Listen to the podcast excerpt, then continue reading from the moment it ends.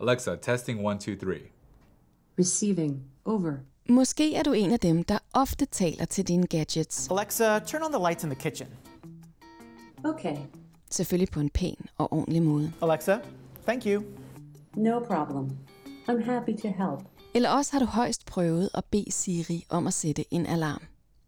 Du kan godt gå i gang med at øve dig, for i fremtiden kommer vi til at tale endnu mere med vores apparater. En forudsigelse lyder, at om bare tre år vil der være 8 milliarder digitale assistenter i verden. Om det er i bilen, i telefonen, på stationen, i tv'et eller i højtaleren.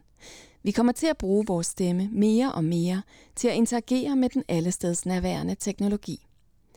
Men hvem er det, der svarer os? Digitale assistenter lyder oftest som kvinder. Og hvilken historie fortælles om kvindekønnet, hvis du får underdanige eller flirtende svar på åbenlyse krænkelser? Alexa, what your pussy smell like? I'd rather not answer that. Alexa, why? Sorry, I don't understand. Flere og flere problematiserer, hvordan stemmeinterfaces kommer til at reflektere og afspejle en stereotyp forestilling om kvinder, og efterlader os med en meget snæver forståelse af køn i det hele taget. Og det er det, vi skal tale om i Blinde Vinkler i dag. Hvordan man designer stemmeinterfaces, og hvordan man undgår at kode bias ind i teknologien.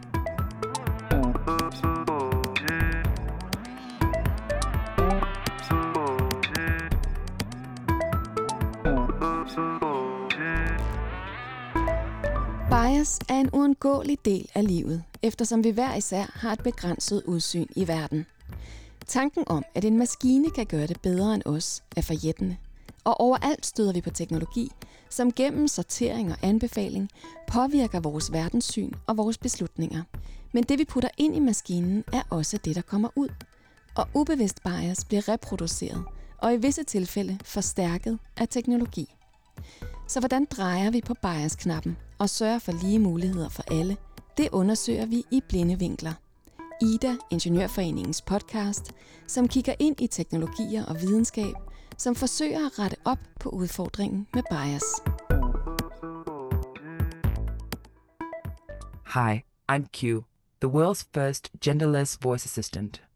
Think of me like Siri or Alexa, but neither male nor female. I'm created for a future where we are no longer defined by gender, but rather how we define ourselves. Susse Sønderby Jensen blev tidligt interesseret i stemmestyring af teknologi. Og hos startupen SaySpring fik hun mulighed for at designe det værktøj, som voice designere bruger til at designe og prototype voice interfaces med. Altså de interfaces, som man styrer med sin stemme, ligesom digitale assistenter. I 2018 blev SaySpring købt af Adobe og inkluderet i deres værktøjskasse. Og Susse arbejder nu som Senior Experience Designer hos Adobe. Hun har gennem sit arbejde løbende haft overvejelser om køn og repræsentation, og hvordan man undgår at indbygge bias i voice interfaces. Jeg spurgte hende, hvordan man egentlig griber det an, når man skal designe et voice interface. Det vi har øh, fokuseret rigtig meget på, det er, at når du er digital designer eller en user experience designer, så skal du ikke øh, bruge en ny proces. Altså du er vant til at sætte brugeren i centrum. Så det du ofte starter med, det er at lave et user flow. Simpelthen finde ud af, hvad skal dine brugere. Så hvis det er skærmbaserede øh, brugerflader, der laver man tit en, øh, en wireframe eller en, en clickable prototype. Det man så laver ved en stemmebrugerflade, det er, at du i stedet for at sige, at når jeg klikker på den her knap, så skal den gå til den her skærm. Så har vi simpelthen lavet et lille felt, hvor du kan sige, når jeg siger turn lights on, altså en bestemt sætning, så kan den simpelthen skifte over til en ny skærm. Så man skriver simpelthen ud, hvad er det, den skal øh, genkende, så det er øh, speech to text, øh, kalder man det.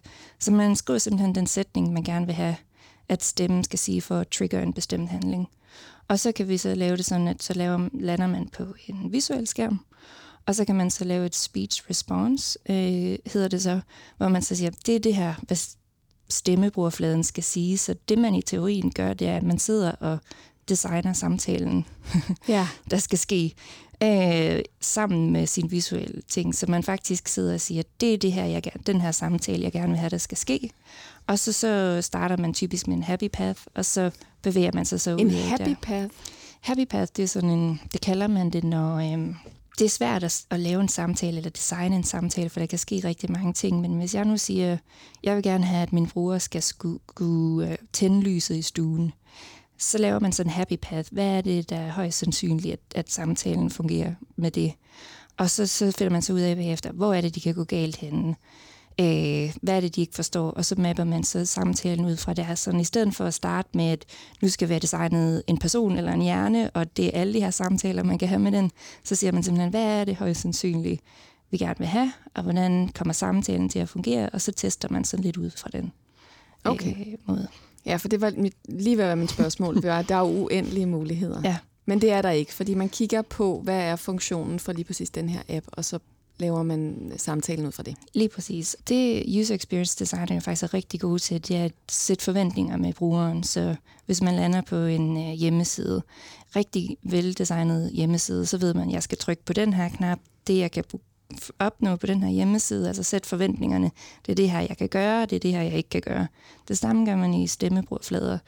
Så siger stemmebrugfladen, øh, hej, velkommen til min app. Øh, du kan tænde lyset, eller så kan du slukke lyset.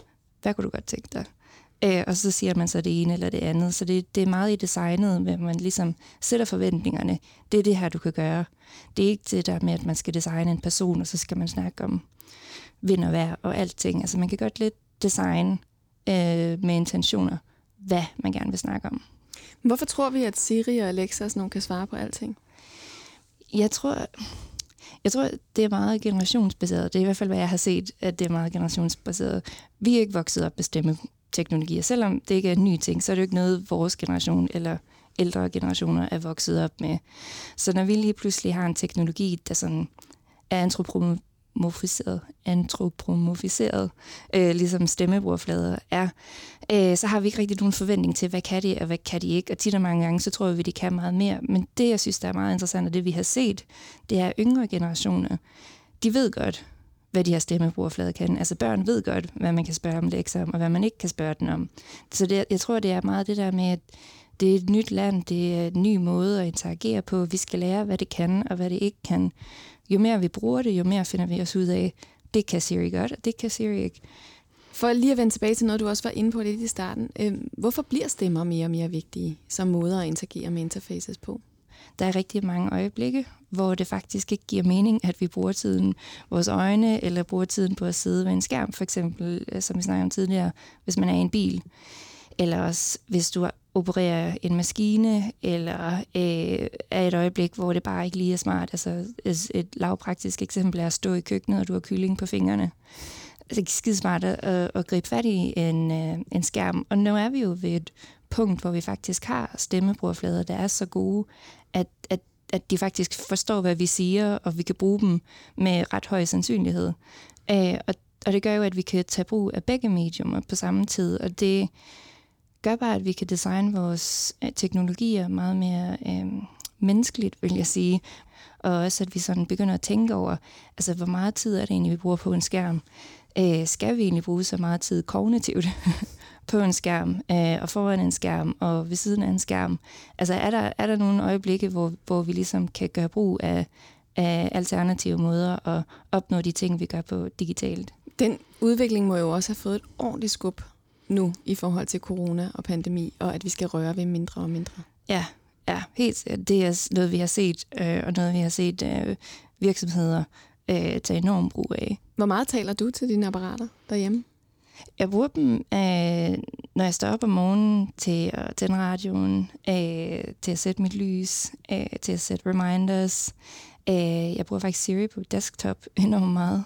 Øh, Det er interessant. Hvad spørger du Siri om på desktop? Fordi hende har jeg ikke lært at bruge endnu. Øh, jeg, hvis jeg skal google noget, Ja, så er det lynhurtigt. Øh, og så bare sådan så åbne programmer.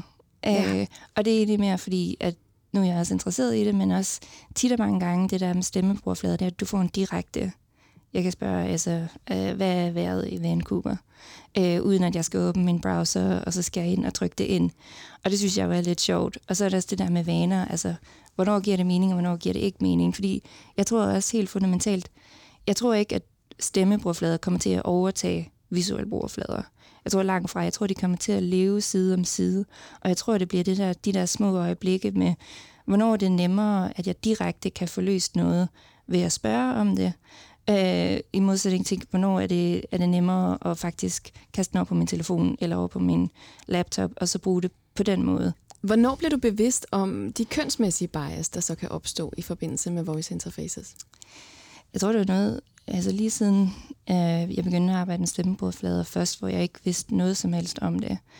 Øh, det var lige da Alexa var kommet ud, øh, hvor vi begyndte at dykke ned i det. Der, jeg husker, jeg undrede mig over, hvorfor, hvorfor hedder den Alexa, hvorfor det er en kvinde. Øh, jeg kan huske, vi snakkede rigtig meget om det nu. Det team, jeg var i hos Bose, der var jeg er den eneste kvinde, og også ved den startup, jeg var en del af, der var jeg også den eneste kvinde. Så vi havde rigtig mange diskussioner om, hvad skulle det egentlig være? Øh, og hvorfor skulle det være en kvinde og en assistent, og er det en stereotyp, vi putter ned på vores stemmebrugerflade? Det var jeg meget hurtig til at konkludere i starten. Øh, og havde nogle diskussioner med, med mit team også om det, og, og vi fik den vendt frem og tilbage, at heldigvis så er vores kønstyper ikke et binært system. Der, hvor det, det gav mening for mig, det var at først og fremmest tænke på det som en interface. Altså ikke som et køn, ikke som en person, jeg designer, men som en interface. At, uh, det er en interface, jeg designer, som så har tilpasset nogle stemmebrugerflader. Men hvorfor har, hvorfor har de fleste digitale assistenter kvindestemmer, tror du? Et af argumenterne er, at øh, kvindes, kvinder taler ved en højere frekvens. Og når lyd er ved en højere frekvens, så rejser det hurtigere. Så det er faktisk nemmere at forstå en kvindestemme, end det er en mandestemme på tværs i et rum. Og det giver jo sådan god mening, hvis man har en stemmebrugflade, fordi stemmebrugflader er bedre, når man kan forstå dem. Så det er også en af grundene til, at tit og mange gange, så er en, en kvindestemme lidt nemmere at forstå. Eller en stemme, der har en højere frekvens, som så lyder som en kvinde, kan man så også argumentere eller formulere det sådan. Så det, det er et af argumenterne. Ja, fordi tit så er beslutningen jo taget for os, kan man sige, det her med køn. Altså i hvert fald til digitale assistenter, så kan man jo faktisk godt vælge om, men default er, specielt når det er nogen, der skal hjælpe os med noget, ja. kvinder. Ja. Hvordan vil du øh, som designer, eller gør du som designer, sørger du for på en eller anden måde i det værktøj, du skaber, at man ikke har de her meget binære valg, som ofte falder ud til, at kvinder er dem, der hjælper osv.? Det er et godt spørgsmål, og det er noget, vi har snakket rigtig meget om. Øh, og det er jo også en realitet øh, med stemmebrugflader. En af de ting, vi aktivt gjorde ved Adobe XD, da vi øh, launchede stemmebrugflader, det var, at vi bruger en text-to-speech service, der hedder Polly, som er fra Amazon. Den tredje part, som simpelthen øh, giver stemmer, hvad man kan bruge. Så der er vi jo så rent teknisk har vi lavet en dropdown med de her stemmer, som designerne så har. For engelsk, der har der otte stemmer. Og for Pollys side, der var de jo så navngivet med køn. Så det var female eller male, og så har hver stemme så et navn. Der valgte vi så at tage kønnene ud, det binære køn, så nu har vi bare navnene, som er i dropdownen. Det er Joanna, det er den første, det er den, der lyder mest som Alexa. Så er det Joey, og så er der så forskellige navne ned, fordi vi valgte simpelthen at beholde det samme navn som Polly for at holde transparency, så det er den teknologi, vi bruger. Men det, vi synes alligevel også, det var mærkeligt at have det her øh, label med male eller female på stemmerne, altså det var ikke noget, der var nødvendigt for at designe det faktisk. Øhm, så, så, så det var et bevidst valg, vi tog simpelthen at tage labelet male eller female ud.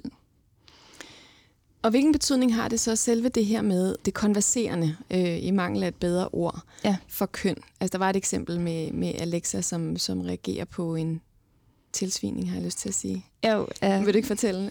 Jo, der var for nogle år siden. Og, og det er jo så det her med trial og error, og teknologien bevæger sig rigtig hurtigt mange gange. Der var en, en sag, med, hvor Alexa simpelthen til først, jeg mener det er tre år siden, når man sagde, Alexa, you are a slut, eller svinede hende til på anden måde, så svarede hun simpelthen med, I'm blushing now, don't say that. Øh, og, og svarede simpelthen på en måde øh, på det her meget diskriminerende, øh, hvad, hvad skal man kalde det, tiltale. Øh, det, det blev der så skrevet om, og det er jo, det er jo en, en bevidst design øh, beslutning, der bliver taget i, at hun skal have et svar på, når der bliver sagt sådan noget. Det valgte de så at ændre, så den lukker simpelthen ned nu. Så hvis du siger noget, hvis du sviner hende til på en måde, eller siger noget, der er verbalt stødende, så lukker den simpelthen ned. Og det, jeg synes, der var meget interessant i det case, det var, at tit og mange gange, så er vi meget hurtige til at kaste skylden over på ingeniørerne, der sidder bag ved de her øh, systemer. Men det er faktisk også godt noget, man kan designe sig ud af. Og det er også derfor, at øh, tit og mange gange, så anbefaler jeg jo, lave nogle prototyper, hvor man simpelthen finder ud af, hvis det her sker, hvad skal systemet så svare? Øh, og også, der kan man faktisk åbne op, og så kan man få lidt flere stemmer ind. Fordi tit og mange gange, vi er alle sammen bias, og vi, er alle sammen, vi har alle sammen nogle øh, holdninger og nogle blind spots og nogle forventninger til, hvordan noget skal være. Hvis vi kan få flere af de stemmer ind og finde ud af, hvordan skal det egentlig være? Altså hvis man sviner en stemmebrugflade til, hvordan skal den egentlig svare? Hvis vi kan få flere ind og sådan diskutere det her, så kan vi jo også begynde at snakke om, hvordan, hvad er egentlig den bedste måde?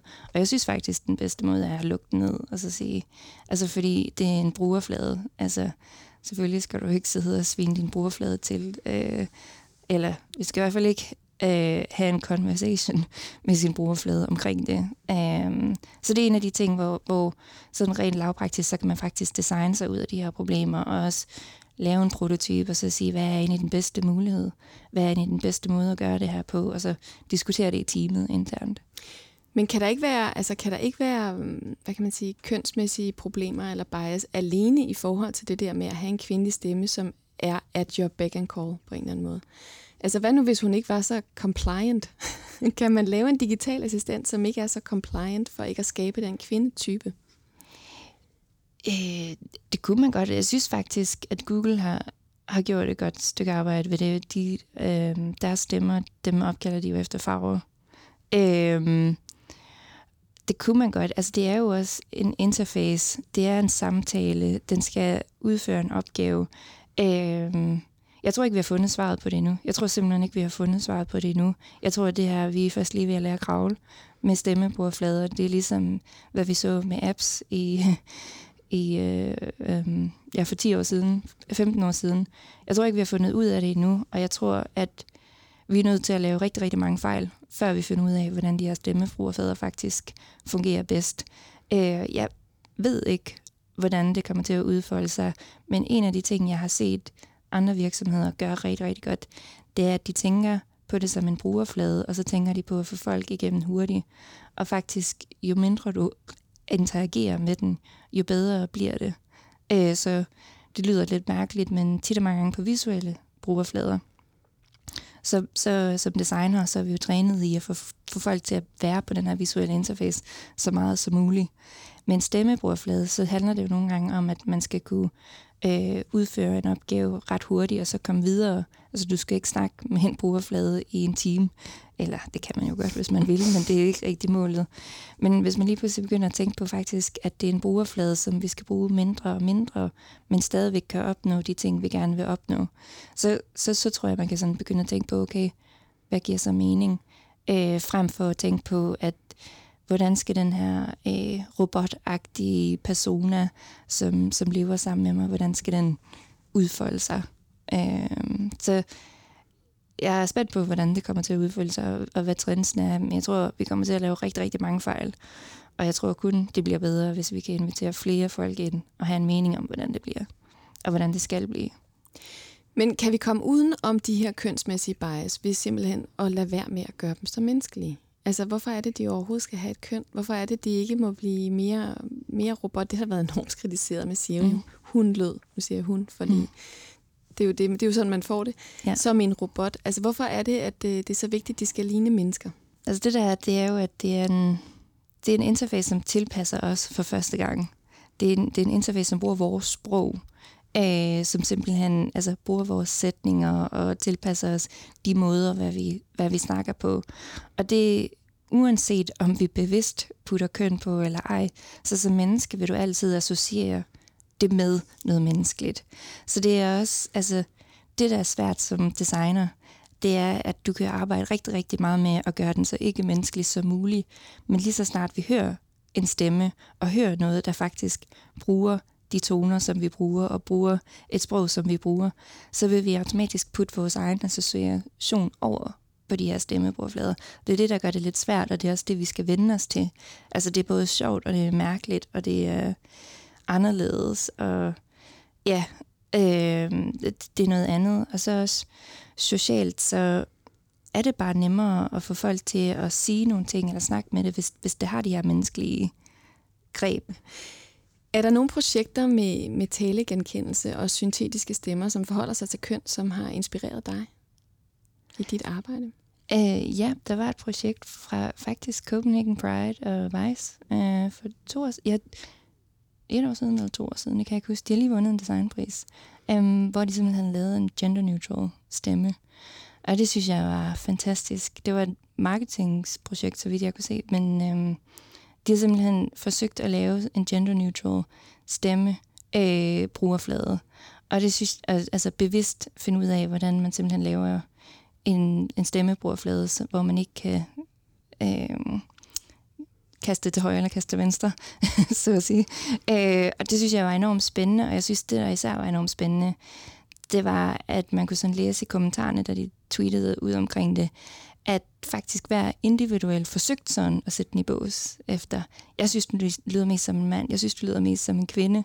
Og det synes jeg var et meget smukt billede af, at selvom vi forsøger at lave de her kønsneutrale, selvom vi forsøger at, at, at stribe alle de her øh, fordomme og øh, bokse og kasser, hvad vi alle sammen har, så er der stadigvæk sådan et, et pol, der trækker ind til at ville definere de her ting. Og det der med, som mennesker, der det sværeste for os er jo nogle gange at leve i den der ambiguitet. Altså, altså leve med, at hvad, hvad er det? Jeg ved ikke, hvad det er. Og jeg synes, det var et rigtig godt eksempel på, at, at, at det faktisk ikke altid er så nemt at gøre det, men, men at vi stadigvæk altså, skal have de her diskussioner og skal have de her dialoger. Og det synes jeg var et enormt spændende projekt. Mange tak, Susse, fordi du kom ind og tale med mig. Jamen tak, for at jeg måtte komme.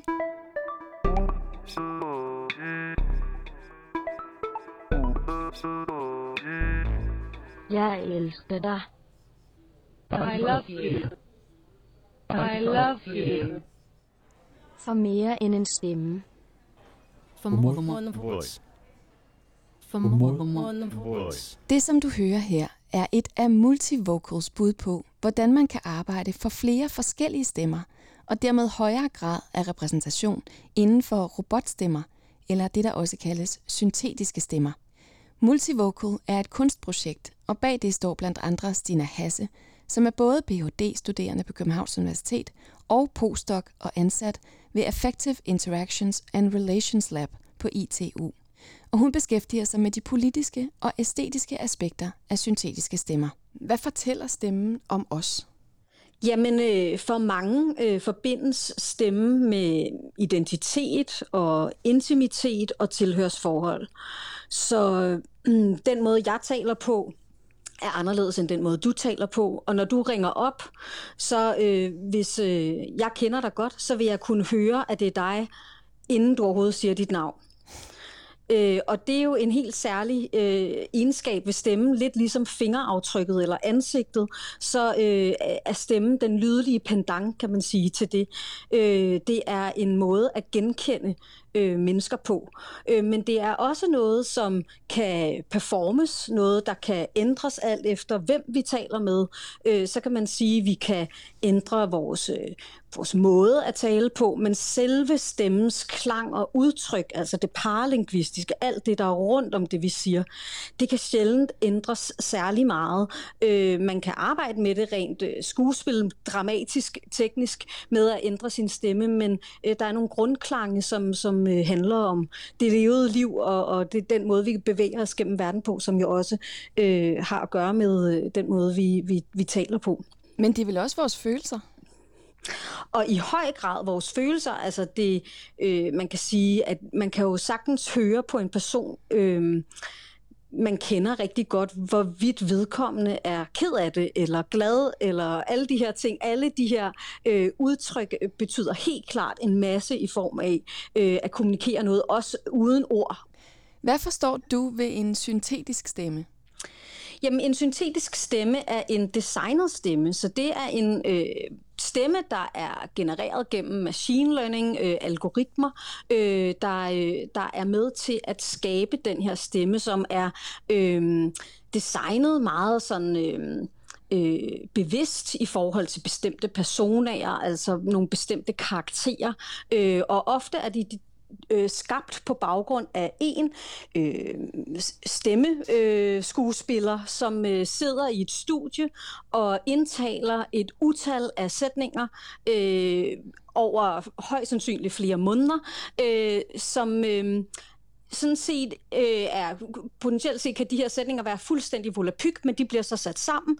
Øh, og bliver brugt til at træne øh, algoritmer på, der kan generere de her syntetiske stemmer. Og hvor er det, vi møder syntetiske stemmer typisk? Det gør vi ofte ved, øh, altså for eksempel sådan noget som øh, TomTom Voices i GPS'er. De kommer mere og mere i øh, busser, i tog, i øh, lufthavne, men vi kan også møde dem i sådan nogle apps for forsikringer eller øh, bank-apps, sådan nogle customer service-agtige funktioner. Øh, og vi kan selvfølgelig møde dem i det, som de fleste nok kender som Siri, Alexa og Cortana, øh, altså sådan nogle tabletop robots, eller øh, øh, så Siri som vi bruger i vores øh, iPhone ja. eller andre telefoner. Så det er de her digitale stemmeborne assistenter, kan man sige. Og hvad er det ved emnet køn og repræsentation i forbindelse med syntetiske stemmer, der interesserer dig? Man kan sige, at det vi er i nu er en det mange kalder for en voice revolution, altså en stemmerevolution, øh, fordi man mener, at stemmeassistenter kommer til at, øh, der kommer til at være 8 billioner stemmer, har nogle analyser sagt i forhold til, øh, hvordan vi øh, kommer til at bruge dem i 2023, altså lige om lidt. Øh, så det er e-, en enorm sum af digitale stemmer, der kommer til at være i verden, og, og der er øh, enormt mange øh, store tech-virksomheder, der poster million- og milliardbeløb i at udvikle de her øh, syntetiske stemmer, og derfor er det noget, vi ligesom skal forholde os til, fordi det bliver mere og mere normalt at tale og lytte øh, til maskiner gennem stemmer. Det, der er øh, vigtigt at diskutere, øh, synes jeg, er selvfølgelig også i forhold til, hvad sker der ligesom, når de her relation, hvad sker der med vores relationer til de her syntetiske stemmer og til stemmer generelt, når de kan designes og genereres algoritmisk. Øh, og de to ting, der sker, det er, at de her designede stemmer indskrives i repræsentationsdebatter. De bliver designet med et køn, tit kvinde- eller mandekøn, og øh, de øh, kommer også til at øh, skabe en spændende relation mellem os øh, og stemme, øh, som er en forbruger-serviceorgan relation. Og de to ting hænger meget sammen med en problematisering i forhold til spørgsmålet om køn. Øh, fordi at man kan sige, som mange allerede har skrevet en masse om, så er digitale stemmeassistenter øh, kønnet med en kvindestemme, øh, ofte som default, ligesom for eksempel Siri er hos os. Øh, og nogle gange er det den eneste mulighed, men der er for eksempel også mange bank- og øh, forsikringsassistenter, som er mandestemmer per default. Og der kan man jo så kigge på, hvad er det, hvorfor er det, man har valgt at designe de her stemmer med specifikke køn øh, i forhold til specifikke services, de tilbyder.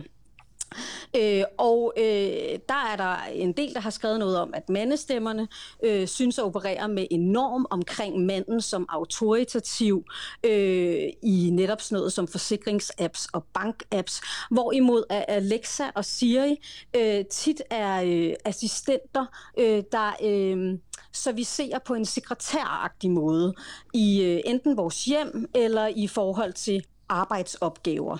Øh, og, og der øh, kan man sige, der er nogle problematikker i forhold til, øh, hvad er det for nogle... Øh, relationer, vi får til de her kønnede stemmer. Øh, hvad er det for nogle normer, de ligesom går ind og reproducerer? Altså at kvinden øh, tilhører det hjemlige domæne eller sekretærdomænet, og manden tilhører de her autoritative øh, domæner. Men man kan sige, at øh, normer skaber forventninger til den måde, øh, man kan handle på, som for eksempel kvinde, eller hvordan man kan udføre handlinger. Øh, hvordan lyder en rigtig kvinde? Hvordan taler en rigtig kvinde eller mand? Og hvordan øh, er det, de ikke taler? Og hvordan kan man så identificere sig med de øh, stereotyper, kan man jo godt kalde det for, der bliver repræsenteret i de her teknologier. Og hvad, og hvad gør man, hvis man ikke kan se sig selv i, i de roller? Men hvorfor er det, vi kommer til at lave koblingen mellem syntetiske stemmer og rigtige mennesker på en eller anden måde? Altså den her identifikation, du snakker om, fordi vi ved jo godt rationelt, at det er en maskine. Ja, altså det er jo interessant, øh, fordi at øh, mange tech-virksomheder øh, arbejder på det, de kalder for øh, naturalness og likability, så det vil sige, hvor, hvor tæt på en øh, i en naturlig stemme kan man komme. Øh, og Google havde for et par år siden en, en konference, hvor de lancerede øh, deres Google Home-stemme, øh, som øh, kunne gå ind og, hvad kan man sige, narre en øh, bruger til at tro, at de talte med en rigtig øh, pizzeria-ekspedient, eller en rigtig frisør-ekspedient, øh, til at bestille en tid, øh, fordi at den imiterede, at man sagde øh, og holdt pauser, og lige skulle tænke sig om, og alle de her, øh, hvad kan man sige, meget sådan øh, karakteristiske øh, menneskelignende træk. Så der er et eller andet ønske om at skabe en så menneskelig øh, stemme som muligt, sådan så at øh, ens øh, øh, interaktion med teknologierne bliver øh, så seamless eller så ukompliceret som muligt for, øh, for brugeren. Betyder det, øhm. at man hvis man i mindre grad prøver at simulere rigtige mennesker, hvilket det lyder som, at virksomhederne egentlig har en interesse i, men hvis man prøver at lade være med at simulere rigtige mennesker i så høj grad, så kan man faktisk undgå nogle af de negative aspekter, der har med køn at gøre. Det kunne være en vej, kan man sige. Ikke? Der er nok mange veje til det, men, men man kan sige, øh, en vej er ligesom at kigge på, øh, hvorfor er det, at maskiner skal have paralingvistiske øh, karaktertræk, der kan være... Øh, der kan gå ind og, og, og skabe en oplevelse af, at, øh, at her er der en identitet i den anden ende, som man snakker med. Hvorfor er det, at, at, at det er vigtigt, at teknologien skal have det? Og der kan man sige, der er det, øh, øh, der har der været sådan et øh, user-friendliness øh, øh, paradigme kørende, hvor det handler om, at, at hvis man skal kunne servicere øh, brugeren, øh, så skal det være øh, så let for brugeren at kunne interagere med teknologien som muligt, og der har man besluttet, at, at det er netop ved at gøre det så... Øh, at man føler, at man konverserer med et menneske så meget som muligt med teknologien, gør det lettere, for det er noget, vi kender i forvejen, frem for at øh, skulle øh, omstille os til maskinens måde at øh, være på. Så man kan sige, det er jo, det er jo, så vil man kræve ret meget af øh, sine brugere eller lytter, hvis man begyndte at designe syntetiske stemmer, der ikke lød som øh, en, en kvinde eller en mand. Ja, og du står jo sammen med en række andre bag et projekt, der hedder Multivocal. Vil du fortælle om det? Ja, altså Multivocal er øh, på linje med øh, øh, andre projekter, øh, som også kigger på de paralingvistiske udtryk, altså sådan noget som øh, Q, øh, The Genderless Voice, eller øh, øh, Mozillas Common Voice, øh, som så godt nok kigger på talegenkendelse. Øh, nogle projekter, som alle sammen øh, for det første indskriver sig i noget, der handler om diversity computing, altså ideen om, at, at man skal prøve at tænke øh, det her omkring... Øh, Øh, repræsentationer og, og stereotyper, der bliver øh, skabt af de her teknologier, øh, at man skal prøve at gentænke dem i forhold til, at øh, diversitet er virkelig vigtigt, og at der er mange forskellige mennesker, øh, øh, som skal kunne have adgang og kunne bruge og identificere sig med de her teknologier. Øh, vores projekt Multivocal handler meget om øh, at prøve at sige, hvad sker der, hvis øh, en syntetisk stemme øh, havde alle køn, alle aldre og øh, alle aksanger. Og det ved vi jo godt ikke er muligt, fordi så er det hele verden. Mm-hmm. Men, men hvis man tager et, et snit ned og siger, øh, vi skal ikke kun have én... Øh, kvinde til at sidde i, øh, i et øh, lyddødt øh, studierum og, og indtale sætninger, men vi vil gerne have, at, at øh, det kan være øh, brugergenereret, sådan så at, øh, at øh, det sådan set er folk, der har lyst til at forme den her teknologi, der er med til at forme den, øh, så øh, at det kan være baseret på, at dem, der øh, bidrager med sætninger til, øh, til vores multivocal-program, de ligesom kan være med til at forme, hvordan den rent faktisk lyder.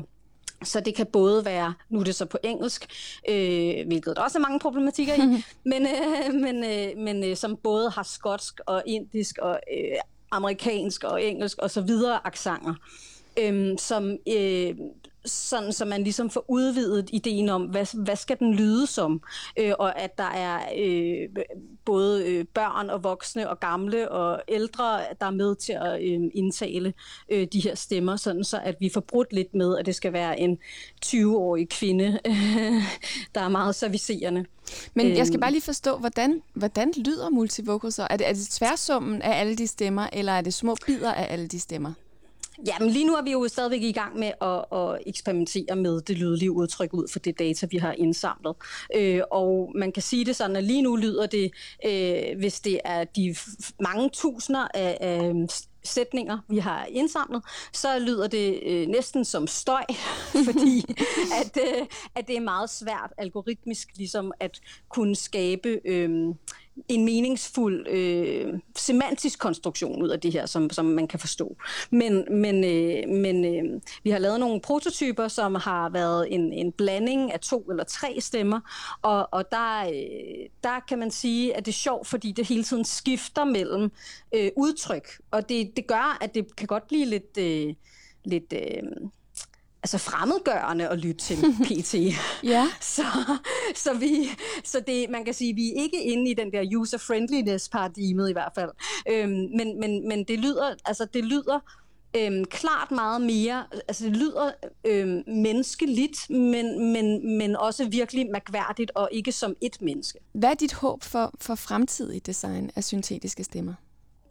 Mit håb for fremtidige syntetiske stemmer er, at man dels øh, at man kan muliggøre, at, at folk øh, selv kan være med til at skabe dem i øh, enten i nogle øh, lokalsamfund eller øh, grupper på tværs øh, med interesser, eller at man kan øh, øh, være med til at designe sin egen stemme, men også at det bliver open source, og at det ikke er noget, der bliver så øh, styret af øh, tech, gigantiske tech-virksomheder med nogle enormt store beløb, sådan så man aldrig kan battle med dem, men at det rent faktisk er noget, kildekoden kommer ud til folket, fordi det kommer til at påvirke os alle sammen så meget. Man både begyndt at forstå lidt mere omkring teknologien, at den ikke er så værdineutral, og den faktisk er politisk, men også at man faktisk får nogle muligheder for selv at gå ind og kunne påvirke den.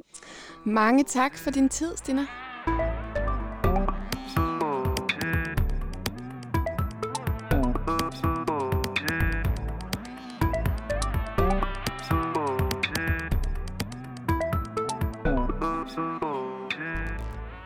Ida uddeler hvert år Agnes og Betsy-prisen. Et rejselegat på 25.000 kroner til en person, der har gjort en forskel for at fremme ligestilling inden for tekniske og naturvidenskabelige fag. Prisen bliver uddelt i december, men du kan allerede nu nominere dem, du synes har gjort en forskel. Du kan læse mere om prisen og hvordan du nominerer på Idas hjemmeside. Blinde Vinkler er produceret af Ingeniørforeningen Ida som en del af Diversity in Tech and Science indsatsen. Den er udviklet, tilrettelagt og redigeret af Marie Høst, med redaktionel sparring ved Idas programudvikler Tina Ryuen Andersen, og med særlig tak til Henrik Føns for hjælp og support.